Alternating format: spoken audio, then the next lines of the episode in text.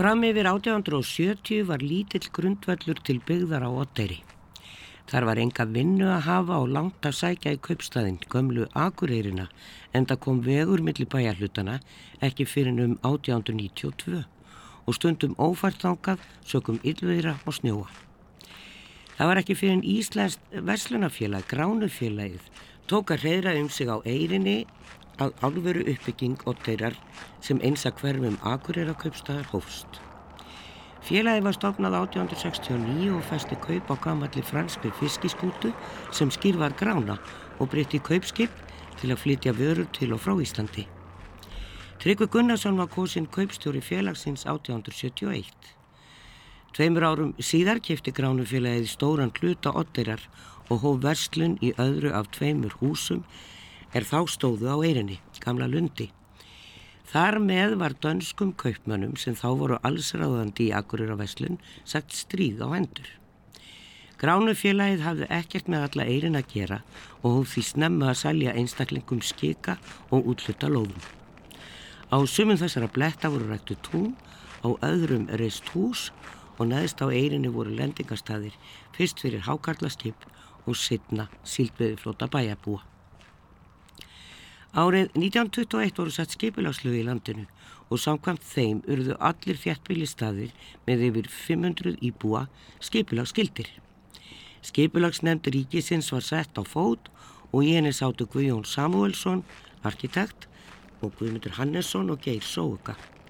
Guðmundur Hannesson var mikill áhuga maður um skipulag bæja og var höfundur eins af grundvallarítum um skipulabæja sem kom út árið 1916 en þar sagðan meðal annars að skipula Akureyrar væri eitt af besta á Íslandi.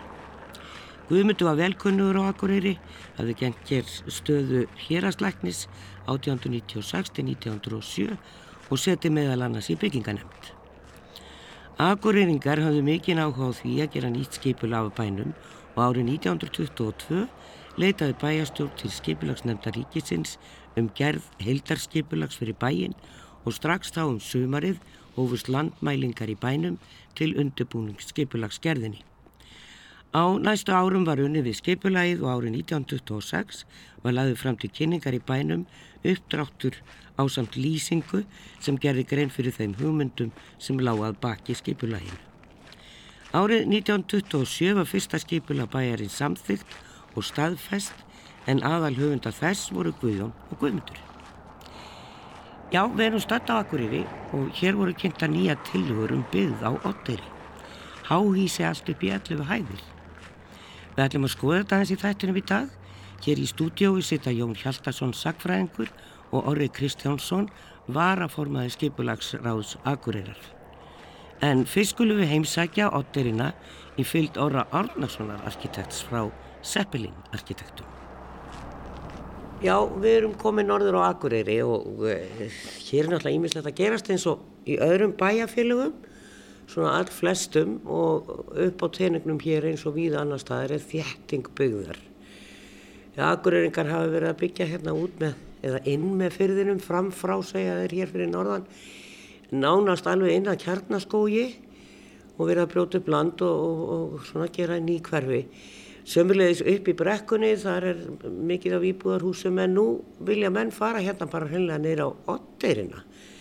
Inn í miðum bæ, ef að fólk átt að segja ekki þá er hóf hérna efst á Otteirinni og uh, svona kennileiti þar komið og svo náttúrulega gránufélagshúsi sem við sitjum hérna í, ég og Orri Átnarsson, arkitekt frá Seppelin arkitektum. Eh, þeir eru þar á stofinu að vinna verkefni sem að margir hafa sjálfsagt séð myndir af í blöðum um síðustu helgi og svona fram í vikuna af stórum blokkum hér á eh, Otterinni. Fólki finnst viðsefnilega til um þetta sem eru mjög hrifnir, öðrum finnst þetta bara alveg agalegt að fara að byggja einhver háhísi hér þessu, í þessari gamlu byggð sem að er náttúrulega Sko Gránufélagshúsið er mjög fallegt hérna og það er eitt og eitt hús hérna sem að snýr svona í uh, söður uh, hér á Otterinni og, og uh, verið byggð hér í mörg, mörg, mörg, mörg ár og, en þetta er atvinnusvæði í dag. Já, þetta svæði sem tilstendur að byggja á menn kanta keldu hverfi Hér hefur verið atvinnustarfsemi bara svona eins lengjum en muna. Hér er, eru, hér er engin íbúðarhús og það, það er Hjaldiragatan sem skilur á milli þessa svæði sem við erum á og, og svo þessa smágerða íbúðarsvæði sem er hérna ofan við. En, en það eru rauninni engar nýjar byggingar á því svæði sem snúa að Hjaldargutunni. Þannig að þetta er allt, allt nýja byggingar, eldri byggingarnar eru aðeins, aðeins ofar. Þannig að það er svona, það er svolítið byl á milli þess sem við erum að fara að gera hérna og, og gamla hverfisins. Þannig að við erum í rauninni ekkert að snerta það gamla íbúðakverfi með neinum hætti. Það er það, er það sem maður kalla þá eirina? Já, já, er það ekki. Ég, sko, ég myndi nú halda að það væri þannig að vísu er hérna einhvað af svona minni svona fyrirtækjum í einhverjum svona hálgerðum skúrum. Það er sjálfsagt gamalt, þekkja nú ekki alveg. En svo er líka og mestmægnis stórar byggingar sem eru þá nýri og, og, og svona kannski ekkert sérstaklega, þetta er ekkert sérstaklega hugulegt svæði. Það er mikið rasslitna og, og stór og opinn svæði sem eru illa hyrt. Þannig að það, menn hafa lengi verið að skoða það að gera einhvað hérna almennlegt á eirinni. Ja. Kannski búin að vera að skoða þetta í 50-60 ár og lítið gest. Sko það er náttúrulega starfandi arkitektar hér og þú tengist svæðinu svo litið, þú varst hér í metaskóla og þekkir bæin og svona er með einhver, einhver tengsl en, en það er byggingaverktaki hérðan sem að e, falast eftir ykkar hugmyndum. Já, ég var hérna í metaskóla og það, var, það voru mjög skemmtileg fjögur ár en, en ástæðan fyrir því að, að SS byggir sem er, er, er framkvæmda aðli að þessu verkefni hefur samband við mig er einfallega það að fyrir einhverjum 20 árum síðan þá vorum við að vinna að einhverjum svona ævintýrverkefnum, svona gamla okkar og þetta var sínt hérna á Akureyri og vaktið talsverð aðdegli. Nokkur árum setna hafði hann samband við mig og, og, og bað mig að skoða með sér einhver annu verkefni og, og við gerðum það en lítið varð úr og svo fyrir rúmum tveimur árum síðan aftur þá hafði hann samband við mig aftur og bað mig að fara með sér í, í þetta verkefni hérna nýra á hérna baka gránufélagsfósið. Það er sko nýbúið að samþykja aðalskipila hér á Akureyri og þetta kallar á breytingar á því. Já, það gerir það. Ég nú reyndar ekki kynnt mér þetta aðalskipila mikið en, en mér skilst að þar sé stemt að því að byggja hérna fremur svona lág, lága byggð og ekkert of þétta en e, það er einhvað sem menn hafa í sjálfu sér verið að tala um frá því að í það minnstakosti frá árunnu 2000 og en framkvæmdir hafa engar orði. Það er engin viljað fara í að byggja eftir þeirri stefnu og þess vegna má kannski segja að það aðalskipulag sé andvana fætt og menn verður bara að átta sig á því að það verður aldrei byggt. Hérna þarf að kaupa, fara í miklar, mikil uppkaup, það er dýrt og þannig að menn munu aldrei fara að byggja hérna lítið litla byggingar. Aug þess þá er eh, svæðið þannig að til þess að um, menn eh, svona þóri að, að byggja hérna einhver, þá þar, þurfa þær íbúðu sem þar verða, þar þurfa að hafa einhver sérstakt við sig og það sérstakasta sem menn geta fengið hérna, það er náttúrulega þetta fallega útsýni, þar að segja þeir munum konur upp fyrir allt rastlið, þá munum við sjá hérna yfir hérna smágerðu íbúða, smá, smágerðu íbúðakverfi hérna á átturinni, við munum sjá inn fjörðin, eða út fjörðin og uh, upp í súlur og vaðla heiðina og við munum sjá skipin koma og þetta verður bara ætti að vera æfintýralega skemmtilegu staður. Já, já. E, e, það er alltaf, fólk er svolítið hrætt við þetta og ég heyri það svona held að svolítið á akkureyringum að það, það e, í norðanáttinni, þá sé svo kallt hérna á eirinni og, og, og það komi hafgóla sem er alveg ísköld og, og hérna það snúa einhverjar svalinnar á þessum húsum, þetta er svona eins og píramíti getur við sagt, þessar byggingar, það er fyrir þá sem ekki hafa síð þessa myndir. En það er hægt að fletta því svo sem upp á netinu. Þetta er svona bara einhverja gróa teikningar sem þið eru búin að gera að, að mögulegri byggingu hérna en e, verður þetta ekki alveg jökul kallt hérna á tofnum kallt á tofnum það er kallt á tofnum já það, það er skemmtilegt að skilja segja að þetta sé eins og píramítar það, það, kannski, það er alveg, ég get alveg tekið undir það.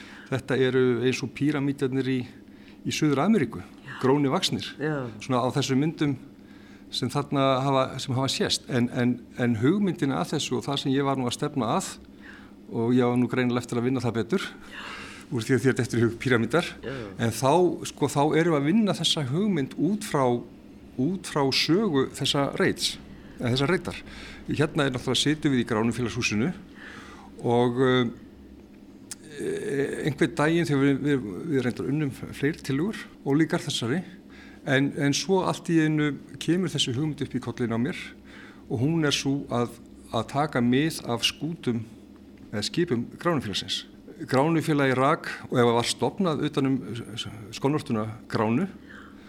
Og síðar egnaðist félagið, félagið þrjár aðrar önnu skip. Þannig að þeir eru áttu þarna fjögur selskip og þessar byggingar sem við erum búin að setja hérna á bakvið gránu félagshúsið það er eiga minna á þessi skip segl þessara skipa. Þannig að við erum að vísa í í, í segl og sérstaklega segl þessara skipa sem eru grána, rósa, njál og herta og, og hvert segl, við hverjum þetta seglinn hvert segl mun þá bera nafn þessara þessara báta já, eða skipa. já, já, þannig að það verður að vitna í söguna. En svo, svo erum við líka að skoða þetta með allt í unni viltist þessi gróður inn inn til okkar. Uh, það koma sjálfur sér þar sem þessi stallar voru. Og þarna var pláss fyrir stallar og verandir. Þá var, þetta komið gott pláss fyrir gróður og um, þá fannst okkur það að vera svona skemmtileg tilvílun að einmitt hérna á Akureyri það er fyrsti listigarður Íslands og svo stæsti og þannig að um, hérna hafa menn þá hefð, menn hefða hefð fyrir því að búa til garda og okkur fannst þetta skemmtilegt að, að reyna að, að fella þessa hugmynd inn í skútuhugmyndina eða seglhugmyndina. Orri, við skulum, uh, það viðrar ekkert mjög vel á Akureyri í dag og hérna það er, það er bara sutt, rigninga sutt eða slitta og, og vindur. En við skulum kíkja þess hérna á bakvið þetta veitingahús hérna Bryggjuna sem er í Gránumfélagshúsinu og skoða aðeins þetta svæði sem að eh, þið allir og viljið reysa þetta. En þetta er náttúrulega ekki alveg á döfinni. Koma því. Við kvílum Orra Átnarssonum stund og heilsum upp á gestóka hérna í stúdiói. Orra Kristjánsson varaforman skipularsraðs á Akureyri og Jón Hjaltarsson sagfræðing velkomnir. Takk, takk fyrir. Eh, það má eiginlega segja að þessar tilugur hafi komið svolítið flatt upp á akureyringa og í rauninni bara fleiri, það voru margir að tarfið til Reykjavík. Eh, þetta eru svolítið djarvar tilugur. Þesski Jón fyrst. Já, það eru djarvar og ég trúi því vel að það hefur komið flatt upp á Reykjavíka sem eru nú einu öðru vanir í samband við þessar hábyggingar. Ég var nú hér bara að löga dæmi hóp úr Reykjavík, fór hér gönguferð og þar var fólk sem bjó í þessu skuggakverfi niður í skólagötu sem kvartaði sáran yfir því að þar hafi verið byggt fyrir. Byrtan bara lokuð af og fólk var að undra sig og fyrða sig á því að við skildum láta okkur þetta til hugar koma. Mm. að fara að byggja eitthvað svona á, á flatri eirinni innan um láreist hús Þetta er náttúrulega kannski svolítið öðri sem 101 skuggi í Reykjavík því að það, þetta eru svona eins og ég kalla þetta nú píramíta og og hann svaraði aldrei með kuldan á hann svo upptekina píramítunum en, en sko það er sko hákólan hérna, hún er rosalega kvöld. Já, þú getur náttúrulega stilt klukkun eftir henni hérna á, á sérstaklega á sumrun sko, að bara ef það er hérna, ef það skín fyrir hádega þá getur þú gert ráð fyrir hákólunni eftir hádegi sko. Já. Þannig virkar nú bara viðfari hérna í, í fyrðinum sko. Þannig, eh, hvernig líst þér á þetta? Þú ert þarna varaformaður. Já. Hvernig sko, líst þér á? Er þetta djarvar, ofdjarvar? Um, sko, það verður náttúrulega bara að meta það í raun og veru það komið lengri ferðlega. Sjálfsögur þetta fell að dóma á, á, á, á þetta, í raun og veru þessa myndir sem hafa byrst strax og, og, og sett upp á móti eða, eða, eða hvað það er, sko.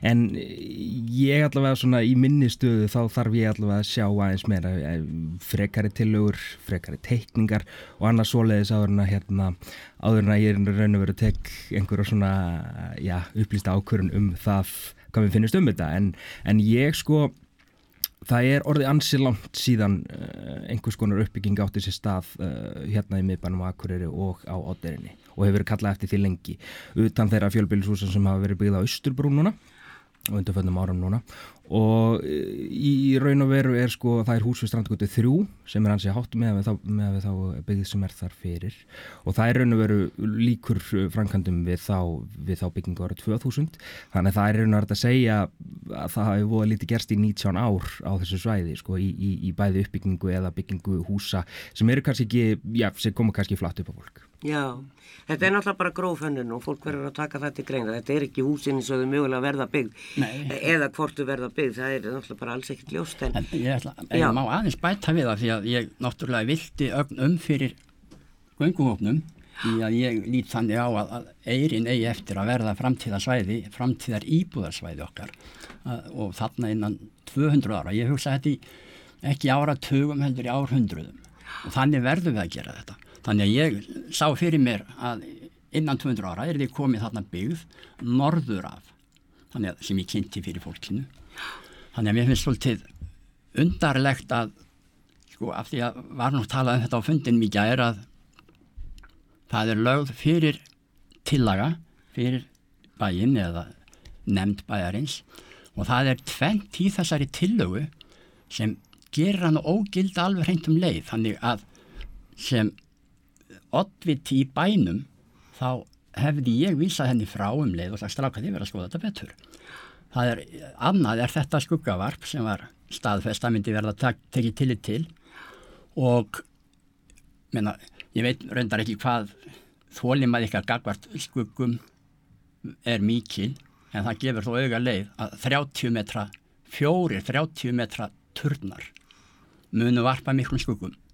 Þannig að væntanlega hefði það átt að ógilda þessa hugmyndstalags í öðru lagi og nú sel ég ekki dýræðinni kefti það eru flugmenn og fyrirverandi flugvallastjóri sem halda því fram og segja blákalt að svo fjárfesting sem hefur verið lagt í núna inn á flugvelli upp á hvað 180-200 miljón, ég veit ekki hvað það kostiði þessi nýju aðflugstæki að þau verði ónýtt við þessar byggingar. Þannig að annars vegar þá er bærin að róa því öllum árum að ebla hér akkurar flugvöld sem millilandaflugvöld hægri höndi veit bara ekki hvað svo vinstri gerir og samþykir að fara í umræðu um að reysa 13 11 hæða byggingu upp á 30 metra sem mun gera okkar framtakarnir frá að engu. Að því er sagt er af kunnum mönnum. Þannig að þetta já. hefði átt að ógilda þetta um leið. kom nú fram á fundunum í gæri að, að, að það væru uh, sem sagt, hvað var það, 47 metrar sem að Ísafi að tala um Uh, við getum ekki ráðið í það, þetta er eitthvað af því sem á líka eftir að kanna en það virðist enginn hafa haft áhuga á að byggja þarna fram að þessu Nei, það sem eh, helgast í raun og veru ástæðan fyrir því er í raun og veru svo að það er á þeim landskíkum sem eru þarna til staða, það er flókið eignarhald Já. sem eru til þess að ef einhver framkvæmdar aðili uh, hefur áhuga á því að uh, já, hefja einhver uppbyggingu þarna þá þarf í raun og veru svo svo framkvæmd í raun og veru, hún var arsemin þarf að make a sense, svo ég sletti Já. hérna, hún þarf að make a sense og þann hátt að það sé í raun og veru mikið af vöru sem er að selja. Og þess vegna í raun og veru erum við að tala um þessa hæð sem kemur þarna upp sko, að í raun og veru, þetta er svolítið öðruvísi heldur en þegar það er bara verið að uh, skipulegja bæjarland út í móu einhver staðar eins og eru búin að gera hérna í hagakörfi hérna bara nýjasta, nýjasta körfi hérna á Akureyri. Það sem það er í raun og veru bara bæjarland sem bærin á og hann í raun og veru selur síðan uh, réttindin til þess að byggja á þessum lóðum sko, hann að þetta er þessi í raun og veru allt í kringum þetta og þessa framkvæmt er í raun og veru tölvert öðruvísi, eð, öðruvísi eðlis heldur um það sem að, já, er kannski svona típist það sem skipularsráð er, að- er að fást við hverju sinni. Nákvæmlega, það er náttúrulega bara þegar það er farið inn í gömul hverfi og að þétting byggðast þá eru mar- mikið vegnarald og alltaf erfitt. Já, má ég, má ég Eh, spyrja fyrir ekki? Já. Mér fannst að koma fram á fundinum í gær að byggingaverktækin ætti Hann á- stærstan hann- hluta lóðurna, það er bara guðni og hodninu sem er með þann blett þar, öðru leiti á byggingaverktækin þetta, þannig að, að mér finnst sko ástæðan uppkaup ekki vera gild rök. Í öðru lagi, það sem kom fram líka, svona með óbyrnum hætti þó, að akkurinningar myndu ekki kaupa íbúðir í fjögurahæðahúsum. Af því að skiplega gerir ráð fyrir því að það verði bara fjórahæðir, að hámarki. Já, Að, menna, kannski, kannski stendst þetta, en ég, ég bara sé engin rök fyrir neins sérstök. Ég meina þetta er þetta er í raun og veru það sem uh, bæði þrónur og byggingar aðili hafa komið með inn til, inn til okkar í skipularsráðu og ég meina það, við, við veitum ekki betur um að þetta sé akkurat raunin. En við skulum, við skulum gera smá hlið hér því að við ætlum að heyra meira, við ætlum að kíkja inn á borgarafundinu og við ætlum að heyra meira í orra átnansinni og við höfum meiri tíma til að spjalla en við skulum uh, fara aðeins inn á borgarafundir sem haldin var í hófi. Og svo náttúrulega ef við hafa venjulega leiktur þetta er bara svo gaman sem það er svo Ég náðu ekki alveg að hver var ástæði fyrir því að lágstendur Lárist hús enda ekki á þessu svæði. Ég held að þau eru bara sko einfallega í fyrsta lagi eru þau fyrst að fara í uppkaup. Það eru svo dýrt að það myndi ekki fara út í það hvort þið væri. Þannig svo hugmynd væri í sjálfu sér döða dæmt. Ég ætla að spyrja bara spurningarna sem vantaði. Eh, hafa menn tekið tillit til þess í þessari hönnun aðflugslámörk að flugverðin yfir höfuð? Sko við skoðum bara þær reglur, skipularsreglur sem gilda fyrir þennan öll. Skipularsreglur sem eru bara aðgengilegar á vef Ísafja og það eru þessar skipularsreglur sem eru síndar í aðalskipuleginu. Þetta eru ákveðna hvaðir á þessu landi og við vitum ekkert meir í raun og veru. Þetta eru bara þau mörg sem við vitum. 42 metrar yfir sjámálið upp í 47 og svo höfum við sendt málið til Ísafja og auglýst ofinfælega og ef það kemur í ljós að það er einhver önnur mörg heldur þessi formulega skiplarsækjur og þá kemur það bara í ljós. Ég minna spurningu og snýst kannski meira um það hvernig Akurabær hefur hugsað sér að sjá svæðið heilsinn á þessu reyt og, og næsta nágræn. Það er æskilegt að skoða starra samingi.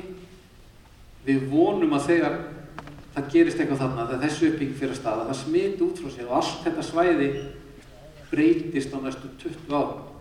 Það tekur tíma.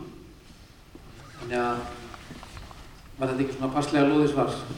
Ég líst mjög vel á að byggja mikið þarna og okkur vantar einhverja byrjun á því að fá endursköpun á eirinni. Eirin á að vera flottast á dýrasta hverfadagur í mínum mati. En það sem ég langar til að spyrja að er það að uh, ég pínu smeykur um garðinn þarna á milli húsana. Uh, hann er mjög opinn fyrir vindi á norðan, opinn fyrir norðanátt og ég bara spekulur í hvort það verður ekki, ekki leiðinda garður eins og þetta er skipilagt. Ef það er randbygg þá færður svona skál og, og gott skjól. Það er ekki betra að loka fyrir þarna norður vegginn, þannig að að það kemi minni norðanátt í gegnum þetta þessa skál sem við erum að gera. Já, ég held að, að hérna, við hefum ekki ábendingu um það, við vissum svo af þessu. Ég heyri það að menn hafa áhugjur af þessu, það, við finnum rættið það og við höfum skoðað það mjög vel. Mér finnst þetta dálítið merkileg nálgur hjá bæjarfulltrúm og Akureyra Þeir eru rétt búinir að samþykja aðalskipulag fyrir svæðið ári síðan sem að gera á fyrir alltaf fjara hæða byggingum. Þá er allt í einu stokkið til og tekið frímerki út úr og það er farið með það þrefalt upp í aðflugsstefnu inn á Akureyra flugvöld. Það er rétt að skip sem að koma inn á að geta verið alltaf þetta há. Þau stoppa hérna í einn dag yfir, fyrst og næst yfir sumarið og það eru ekki svona skip hérna og fengju ekki að vera ja, við hérna yfirskipafélagsbryggjuna allt árið um kring eins og húsin eru. Ertu með spurningu fyrir ekki? Já, ég bara vara við þessari stefnu hjá Akureyra bæ að, að hérna, ráðast í svona og mér finnst líka einkennilegt að einn byggingaræðil í bænum að hann fái bara ráða þessu og sé hannað fyrir hann. Já, ég held að það er ekki, er, er ekki spurning. Gæslega, er þið hérna, það er spurningat í hóttunum? Ég ætla að byrja að þakka fyrir þennan fund bara. Ég hef verið að hafa þennan fund að vísu tölvöld fyrir í ferðlinu en mér finnst pínulítið skarast hjá ykkur þar sem verið að vinna sem er á algjöru byrjunarrið og þar sem svo búið er að vinna aftur. Ég er kannski vilja sjá þessa tillögu sem búið er að vinna svolítið til. Þá ætla ég að þakka fyrir frábæra kynningu á þessu verki því að ykkur hefur tekist algjörlega að fela hæðin á húsinu með skemmtifærðarskipum og rísaskútsum sem aldrei eru hérna á pollinu og svo framvegis og framvegis. Ég hef gert þetta sjálfur en þið sláum mér alveg við. Ég ætla að hérna... Einmitt, er, spurningin? Já, hún er þessi. Uh, að hverju er ekki hægt að byggja láreista byggð austani? Ég skil, ég skil það ekki alveg. Akkur, akkur hérna, sko, ef við værim með láreista byggð þar, ef við værim með íbúðir og verslanir niðri eða keramikverstaðið eitthvað eins og er nú þegar á eirinni, ég geti tala ekki í mikrofónin, akkur hérna, við erum með þarna 5.000 manns ókeppis af skemmtifyrarskipunum í hver einustu viku, þau skoða ekki fjölbýlishús. Það fólk, það skoðar það, skoðar það sem bærin hefur upp á að búa eða bæja að búa sem væri þá vestæðið þarna niðri. Ég held að það væri sko guðskjöf að fá alla þessa, alla þessa trafíkæti í gegn. Núna streymir hún upp í listakarð, upp gilið og þar upp yfir, en ekki þarna. Þannig ég, ég skil ekki alveg þetta, ég held að vera raukstuðið þetta aðeins betur. Það er al- það alveg hægt. Það er ekkert mál. En það var ekki hægt á þann. Jú, það er alltaf hlut. Það er þannig. Og mig ég gleyma því að sá sem ætlar að byggja það, hann treysti sér ekki til þess að byggja þannig, þannig byggði sem þú ert að leggja til. Hann vill ekki, hann treysti sér ekki til þess. Hvers vegna er hann, er hann bara ekki tilbúin til þess og ætlar ekki að gera það. er öruglega bara til eitt byggingarfélag hérna á Akureyri. Það er Siggi sig endilega reynda að fá allar þessar stóru byggingar. Við búum í Eðafyrði og þekkjum hafgúruna og förum sunnandi vegg til þess að njóta sumarsins. Er þetta ekki á virklusum stað á þessum reit? Ætti ekki hæðstu byggingarnar að vera nýst á reitnum og legstu byggingarnar næst sjónum? Það er það. Siðst. Þessi aðali á lóðir þarna. Þannig að við getum ekki sagt núna byggð þú 11 eða húsið nýst á reit sem er starfsemi sem enginn hefur áhuga að breyta í bygg. Það er, eh, var margt um mannin á þessum fundi vel mætt og gaman að koma á hana fund og ég held ég á aldrei séð svona vel mætt í Reykjavík. Það var tróðið út úr dyrun. og bara veru- verulega gaman að sjá að sé svona mikill áhuga skiplarsmann Já, það verður já, bara sést það verður bara segist eins og er. Það var hann eitt sem sagði þetta á að vera dýrast og flottasta íbúðabyggð á Akureyri. Og það er kannski svolítið eins og hefur verið að gerast í höfuborginni það sem hefur verið byggt í byrnba Reykjavíkur, það er mjög dýrt. Já, ég verð að segja fyrir mitt litið að ég er hjartanlega sammála því og ég, ég, hérna, ég sé alltaf fyrir mér sko að Eyrin ætti að vera pínu eins og Vesturbærnir Reykjavík. Þetta ætti að vera eftirsóknar görfi til þess að búa í og, en þá veldur maður fyrir sér sko hvað veldur því að Vesturbærin er eins og hann er. Það má leiða líkur að því að það sé nálæð við 101 í Reykjavík eða, eða, eða hva, hvað það er. Um, til þess að Eyrin geti orðið að þessu sem ég allavega sé fyrir mér og margi fleiri þá þarf einhvers konar þá þarf að undirbyggja það á einhvern nátt og ég allavega ég, ég finnst allavega öll að leiða líkur að því að framkvæmda borðið þessa uh, og síðan með sína vestlun og þjónustu á uh, jarðhæðum ætti alveg að geta orðið grundullu fyrir því Já, Jón, það er saga fólks þarna á Eyrinni, það er, ef að ég mann rétt, þá fólki sem fluttist á Eyrinna, það var fólk sem fekk ekki lóður í ennbænum. Þetta var svona efnalítið fólk og, og byggði sér hús á. Láreist lítið jú, hús. þetta var efna lítið fólk, svona að hlutað, því að um leið og gránufélag reisti þarna sitt flotta hús og, og, hófsina starfsemi þá var hægt að fá þarna vinnu og, og svo held ég nú áfram og er að hálfu hjartanlega sammála ára um, þéttingu byggðar og allt það sem við eigum að nýta odderina til. En ég kem enn og aftur að því og bendi á góða spurninga sem koma á þann að það er svæðið í heildasinni, það er öll odderinn. Það er alveg út, kannski fyrir ofanlega sko, þú er ekki alveg hreint viss um það hvort að við eigum kannski bara halda áfram með, með einhverju fyrirtæki fyrir neðan hana en, en síðan íbúðabyggðin, hún verði komið þarna innan 200 ára, alveg útundu tryggva brutt, eins og, eins og nær. Já, það er það sem er stendað í raun og veru aðalskipulagi, það er til rammarskipula fyrir ódýrina og þá er í raun og veru þetta keldukverfi sem að nafni minn arkitekt kemur inn á, það er í raun og veru skilgjent sem svo kallat D-svæði og þar er hugsunin sko mm, að það sé svæði sem er til þéttingar og þróunar og þá kemur það inn á líka sko að það sé sem sagt, uh, já, endur skip, skipulagning á svæði með starfsemi sem að hefur, já, lokið sér af í raun og veru og já, betur sett annar staðar og það er þróun sem við sjáum viða, viða til dæmis í Evrópu þar sem að hérna svona kannski þunga yðnaður sem er kannski ekki alveg hreitt sko, hann er, það er verið að færa hann út á jæðrana meðan á önnu svæði til dæmis nála töfnum eða sjó eða ám eða einhverju svoleiðis, þau eru hægt og rólega að breytast í þessi íbúðasvæði. Og þá, þá höldum við áfram með það sem stúlkan, konan spurði um að auðvitað byggjum ekki hæstu byggingarnar síðst á slíkum reit. Það vegna skuggavapsi sem verður. Ég veit að, að sko, arkitektar á Íslandi halda við séum við núlbu og halda að sólinn skýni stöðugt beint niður á okkur sem hún gerir ekki. Hér er gríðarlega skuggavarp og, og ég skal segja ykkur það hér og nú og, og stendur það eftir 100 ár, kannski bara 50, þá munur reykvíklingar ganga um hábólvandi um það hverfi sem er fyrir ofan og austanskúlaguttu þar sem er búið að þjappa svoleið sama blokkunum að byrtan hún nær enga vegi nema niður á, ég veit ekki hvað hún nær, hún nær enga vegi niður, niður undir jörð og þetta er það sem við stefnum að hérna ef við ætlum að fara að byggja 11 hæða, 30 metra turna síðst í þessari byggð sem við erum gjörsamlega samála um að eigi að koma þarna og á að tegja sér í norður. Þess vegna eins og konan segir hæstu byggingarnar eiga þetta að koma nærst, nýrst er eitt á móti því. Allavega finnst mér alveg með að ræða háar byggingar í þessi hverfi.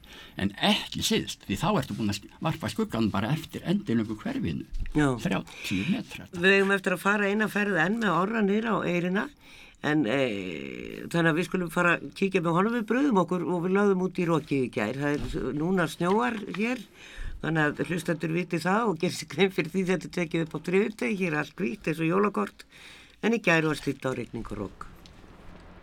Já, það er nú fagart um að litast á Akureyri, en það er nú bara svona eins og allstæðar sem að kemur á Íslandi að þegar það er reikningarsötti og, og svona halger slitta, þá sér mann ekki mikið og fjöllin eru eiginlega í kvarfi í þóku hér í dag þegar við erum að ganga hérna á eirinni. Hér er sem sagt, þetta er þetta svæði sem er meiningin að þetta og þetta, sko hann var nú að raukstuði að þetta framkvæmda aðilinn að hann, hann vildi meina að hann e, gæti selt íbúður hérna ef þetta væri með útsýni og, og þetta er þið eftirsoknavert að koma hérna neyra á eirina og það er náttúrulega mjög kósi að liggja inn í svona veðri upp á hvað? Hvað er þetta margar hæðir? hvað er það að tala um? Þetta er sko, þetta eru, þetta fer frá 8 hæðum og upp í 11, 7, 7 hæðum upp í 11. Eh, það er nú reynda þannig að það sem húsin stalla svona upp, þá er efstakni lítið. Þannig að þetta er ekki eins og þessi 11 hæða turn 400-500 fermetrar í þermáli, nei í flattamáli, heldur er það rétt rúmlega 150 metrar, þannig að þetta er svona eins og lítið spjót sem stendur öll upp úr. Þetta lag á, á húsónum, Já. það ger það líka verkum að, að hérna, það verður miklu minni skuggavarp en allavegri og vindar haga sér miklu betur því að þeir, þeir svona, svona trítla niður, skulum við segja, tröppunar í staðis að steipast niður og þannig að það er, það er allt, allt til bóta. Við, þess að við stöndum hérna núna og horfum við á bragga, tvo bragga, svo þarna á bakveg lítur út eins og þetta sé bara íbúðarhús þarna. Já, ég veit ekki hvað þetta er. Þetta er með kvistum og... Já, já, alveg, það er líklega stekki, sko. Ná, en þetta er svæðið hérna á bakveg gránufélagið. Já, en það sem bærin hefur verið að horfa á, það gengur miklu lengra í norður. En, en það er svona einhver framtíða músík og, og hann er innan, sko, er svona, hann er skilgarinn hann sem þróunarreit sem stengur hérna út af geyslagötu og en við erum bara fyrstir í rauðinni og svo vonandi verður eitthvað úr, meira úr þessu. Þannig hérna ná að myndast öflugu kjarni í, í, í, í lítilli fjarlag frá miðbænum. Og það mun þá styrkja hann verulega. Við veitum að að geta orðið fullt af fólki 1500-2000 manns. Já. þar sjá á öllu, á öllu, öllu reitnum. Það er eins og ég segi, það, það blæs töluvert, þarna erum við að horfa á annað hús, þetta er íbúðarhús þarna, þetta er náttúrulega úti við Otteragöndun eða hvað. Já, Já. Þa, það er flókið eignarhaldi hérna. Hérna eru fjóri-fimm eigundur af þessum reit og það, það er náttúrulega að gera allt flókið og þetta á við um all, alla eirinni. Það eru svo margir eigundur og þetta svona þverast allt og, og, og svona gerir allt flókið. Það, það er það sem þess vegna verða áformið kannski meiri, eða þýrt að vera meiri en ella væri sko. En, en það er náttúrulega sko þegar það er, eru svona fyrirtæki, það, það sem menn er að gera svolítið fyrir sunnan er að blanda þessu, að það megi vera áfram lítil fyrirtæki sem er ekki með einhverja mengandi starfsemi já. og inn á milli íbúðarhúsa. Já, já.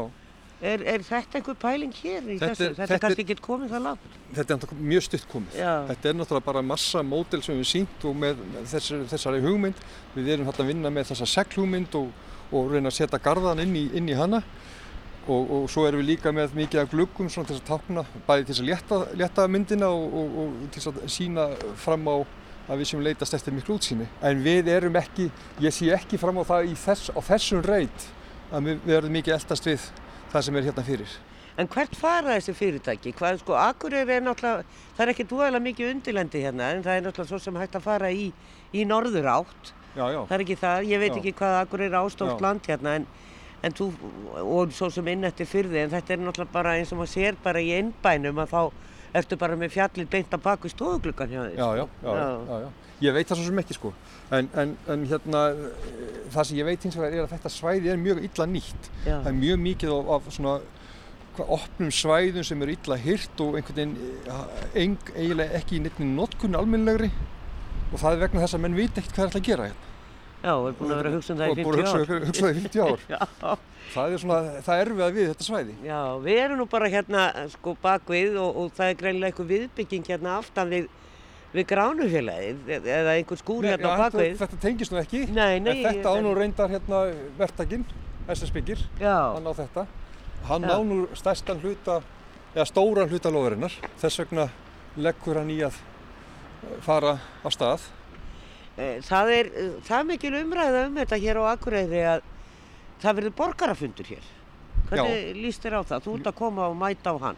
Ég er að, já, ég er að mæta hann. Mér líst mjög vel á það. Mér finnst það alveg, alveg til fyrirmyndar að kynna þetta vel til þess að fá fram öll sjónamið og, og, hérna, lí, og líka gaglegar ábendingar. Já. Það verða ábygglega mjög margar.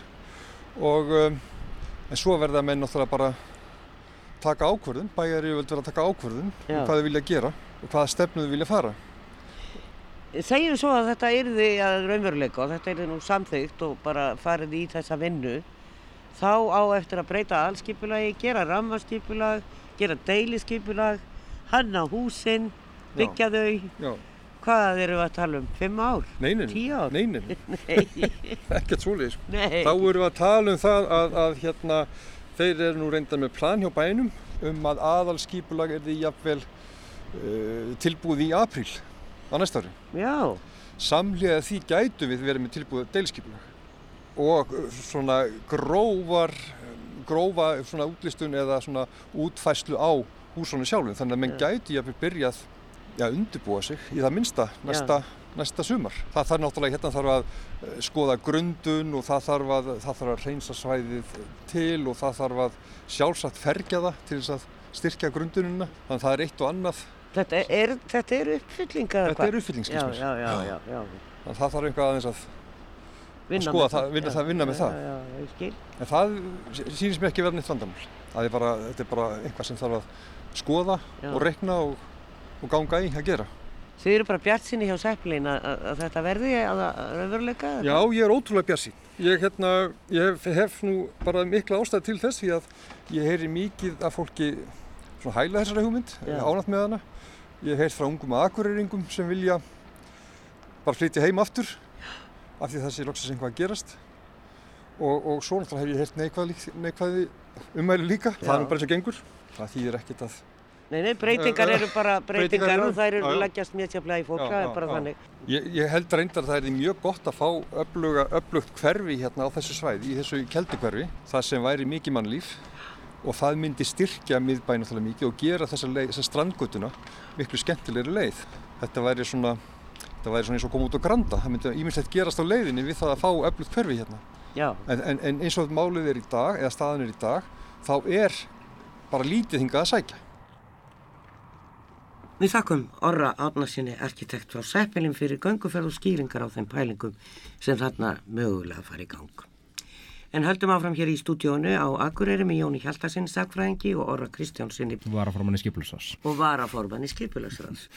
En eh, kannski, Jón, það er forveitinlegt að því að Gránumfélagshúsið er svo fallet hús og vel uppgert og, og er svona svolítið stórt hús á þann mæli hverða á miða við hvenna það var byggt. En eh, þetta er á 19. öld sem að þetta hús rís og hérna, en það verður svona svolítið eins og forhlið af þessum blokkum. Eru fleiri minnir hann sem að þarf að passa upp á? Já. Grána er fjórfalt hús. Ég ætla að hafa þennan formála því að mm, það er byggt í fernur lægi því að ég þarf eftir vil að geta hatt minna því einhvern tíman þá sagði ég að það væri ekki forminjar í jörðu hér inn í fjörum eða þar innundir en þannig að það er svolítið varasamt að tala um það hvað jörðin geymir eða hús í kring eru ekki heldið neitt sérstaklega þannig minja verndunarleg en, en það sem menn kannski ekki aðtúa og verður eftir til þess að íbúðuna verði dýrar er að þetta er fennjaland þarna var á bakvið gránu semst norðan við var eiginlega vatn, gríða stórt vatn. Og það sem er nú öllu verra og verður kannski til þess að, að minja vernd og, og forðlega fræðingar hlaupa upp til handafót, það er að, að þetta var öskuhaugur akkureringa um langan tíma. Líklega þá hafa, hafa gránufélagsmenn byrjað að henda þarna í, í lónið bara strax upp á 1880 Já. síðan heldur það áfram og hvað 1927-8 um það bíl, það er eitt af marga ártöð sem ég fer með, að þá er ráðin hér ösku kall og honum er beinlinni sem vísa það mann er eftir að sturta úr sínum pottum og, og, man, og vögunum öllu því dóti sem hann þurfti að henda frá húsum íbúa nóð og þarna var sko öskuhaugur fram yfir setna stríð og brettarnir notuðu þetta mjög. Og þannig að þeir óku held ég bara öllum hlutum þarna í þetta síki og letu það hverfa. Og það er ekki hvað 46-78 sem, sem þetta hættir að vera öskuhaugur bæjarbúð þannig ég veit ekki hvað fórlega fræðing að segja um þetta hvort það þurfum að fara að grafa mikið og... Ég segi bara uff, uff Orri, hvað segir við þessu? Að, ég meina það líka náttúrulega fyrir bara hérna, verklað þess efnis að hérna, ef það er farið í einhverja byggingaframkvæmdu og byrja að grafa í grunnum og, og menn reykast á okkur þá þarf að stöða framkvæmdi strax og, og láta minnjastofnun við það sem gerir síðan þannig að ef það kemur til þess þá er bara það nákvæmlega sem mun gerast. Já, ég veit að þeir eru byggðu hús Þar út af einhverjum gamlum haugum eða einhverju sko. já, já, stóru merkilegt Gætu fara að finna bissur og ég veit ekki hvað þarna frá brettónum og ég veit ekki hvað hvað þeir voru að henda þarna. En það fyrir okkar bæjabúar Ei, en, en svona svo við tölum um kostina við það að þjættabyggð og þá eru það einviðnir yfirleitt sem eru á staðnum. Það eru skólanálagt, það eru leikskólar og það eru gatnakerfi og lagnir og annað sem er, er til staðar og sem er þá ekki, þarf ekki að, að, að vinna við til að koma fleiri íbúðum inn á svæði Um, en þannig að það sparast eitthvað. Já, sjálfsög, ég menna það er eitt af því sem að uh, fælst í eins og þú segir þettingu byggðar. Sömulegis bara byggðin sé í raun og veru breið ekki of mikið úr sér þannig að sé um, kannski greiðalt landfræmi sem fátt fólk býr á. Og í raun og veru þetta er, já eins og sæði eins og inn á, þetta er eitt af markmiðunum með allskipulagi akkurabæðar sem var uh, samþygt í fyrra. Og sömulegis er þetta bara markmið víða um heim núna, hérna á Íslandi og sem, sem á Um, síðan er kannski rétt að koma inn á það sem er leiðis að hérna, það eru já, mannvirkjastofnun er komin á þá uh, já, skoðun sem er leiðis uh, að það sé higgilegra að byggja upp á við heldur en að, heldur en að breyða úr. Þannig, og, og sústofnun hefur alltaf, alltaf einhver ítök og er um, gefur frá sér tilmæli til uh, skipulags aðila og yfirvalda á hverju svæði fyrir sig. Já, við tölum, við erum búin að tala svolítið mikið um skuggamyndun og ég veit að Guðmundur Hannesson sem var mjög fróðum aður og og sagði að það ætti aldrei að byggja meir en fjóra hæðir á Íslandi Já. út af sólagangi, nákvæmlega. En, en það hefur enginn farið eftir því?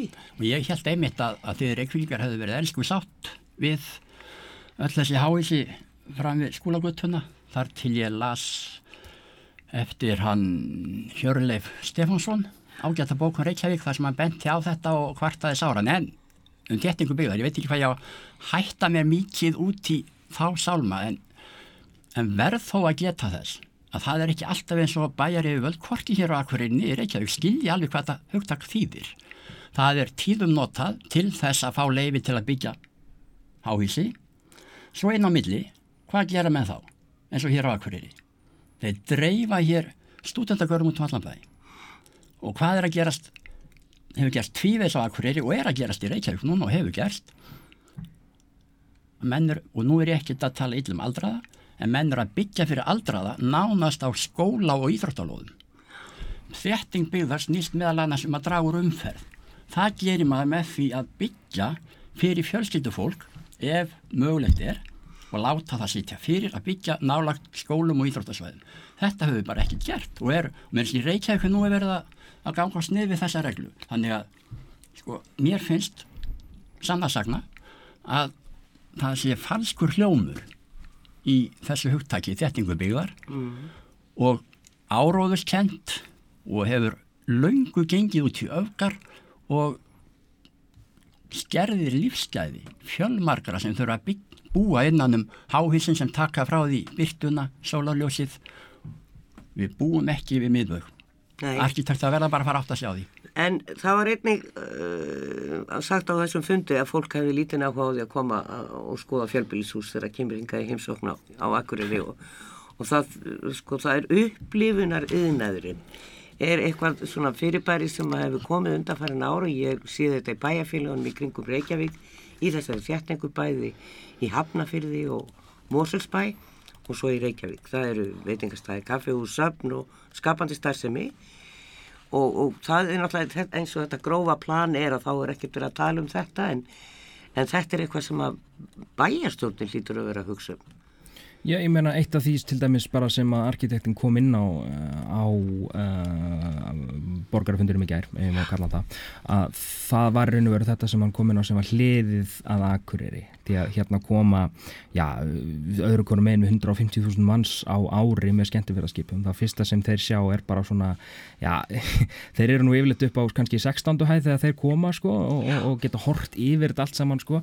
Þannig að ég veit ekki, sko, ég alltaf, fyrir mitt persónulega leiti, mér finnst alltaf þegar ef ef ég kem til einhverja staða erlendis og, og, og séð að umhverju vel við haldi og hana svoleiðis að þá, þá, þá er mín upplifun allavega betri heldur en, heldur en annars allavega eins og segi fyrir milliti sko. Já, já, það er náttúrulega ekkert að hann er á bryggja eins og er. Það er eitt sapt sem hann argrimur flugstjóri er með sem er enda mjög gaman að skoða og það eru nokkru veitingarstæðir en það er náttúrulega vegalengdir hér á miðbæðarsvæðin eru kannski ekki tóðalega langar en það eru doldið brattar sem staðar og erfitt að komast upp en fólk fer þetta nú. En finnst ykkur að ég að byggja þetta annar staðir? Af því mér finnst fólk að vera að segja það að þetta veri flott en ekki þannig Já, þessi þá 11 hæðir hámark að fjórir 11 hæða turnar já, veistu það ég er reynd ekkit á móti háum húsum ef þau eru á réttum stað. Ég get nú tekið dæmi hér á Akureyri af, af því sem ég kalla uh, golfblokkin sem er uppið golfvöld og er nýju hæðir Kjar, í kjarnangötu og, og stendur á afskaplega góðum stað og hendtúum en ég verð aðeins að svo er það í upptalið en ég verð að þó að að ég ætla ekki að hlaupa í skrápanna fyrir, fyrir þessa byggingu en hins vegar að þá, þá þegar ég kem söður til dæmis þá langar mér alltaf til þetta að skoða þar eitt fjölbíli það er fyrsti verkamannabúrstæðurinn í Reykjavík sem stendur hérna við hringbröttin og er byggður í hring sem ég skil ekki af hverju er ekki gert miklu, miklu víðar á landinu. Þetta er, þetta er nánast einstæmi. Ég er búin að leita lorandi ljósi að, að fleiri slíkum húsum þau eru til einhver staðar en sárafátt, heljanda fingur mannarhanda að koma þarna inn í gardin að mér langar alltaf til að koma þar og skoða og ég stel stundum en ég veit að kannski er það ekki vel Jú, að það sé bara alveg ágætt en það má reynda að segja upp í þverjóldi og einjóldi er og segja að búseti hafi byggt svolítið í þessum stíl. Já. og þá er garðurinn opinn bara þeim sem að vilja koma þar inn og, og, og geta gengið þar í gegn. En e, er húsnæðiskortur á akkurir þurfa akkuriringar þessar íbúðir svona margar? Sko það fjölgar alltaf hérna á akkurir það er engin, það er engin fólki fækkar ekki þó að hún sé kannski ekki hérna uh, hröð uh, fjölgunin. Við fórum núna tiltölulega nýlega yfir 19.000 19 þessi íbúin fættist hérna fyrir uh, tiltölulega stuttu síðan. Þannig að það verður alltaf út af þessari já, uh, hægufjölgun, þá verður alltaf eftirspurn eftir íbúrhúsnaði mm, til að svara þeirri spurningu. Já, auðvitað verður það, það þarf náttúrulega alltaf að byggja. Við hefum nú brent okkur á því í hruninu að bara hætta því Já, og það kom, kom ansi illa út fyrir landan. Mm. En við komumst nú ekki mikið lengra með þetta hér, það verður spennand að koma yngað í heimsó og ég þakka ykkur Jón Hjaltarsson, sagfræðingur og Orri Kristjánsson, varaformaður skipularsráðs á Akureyri. Takk hella. Takk, Takk fyrir komina. Takk.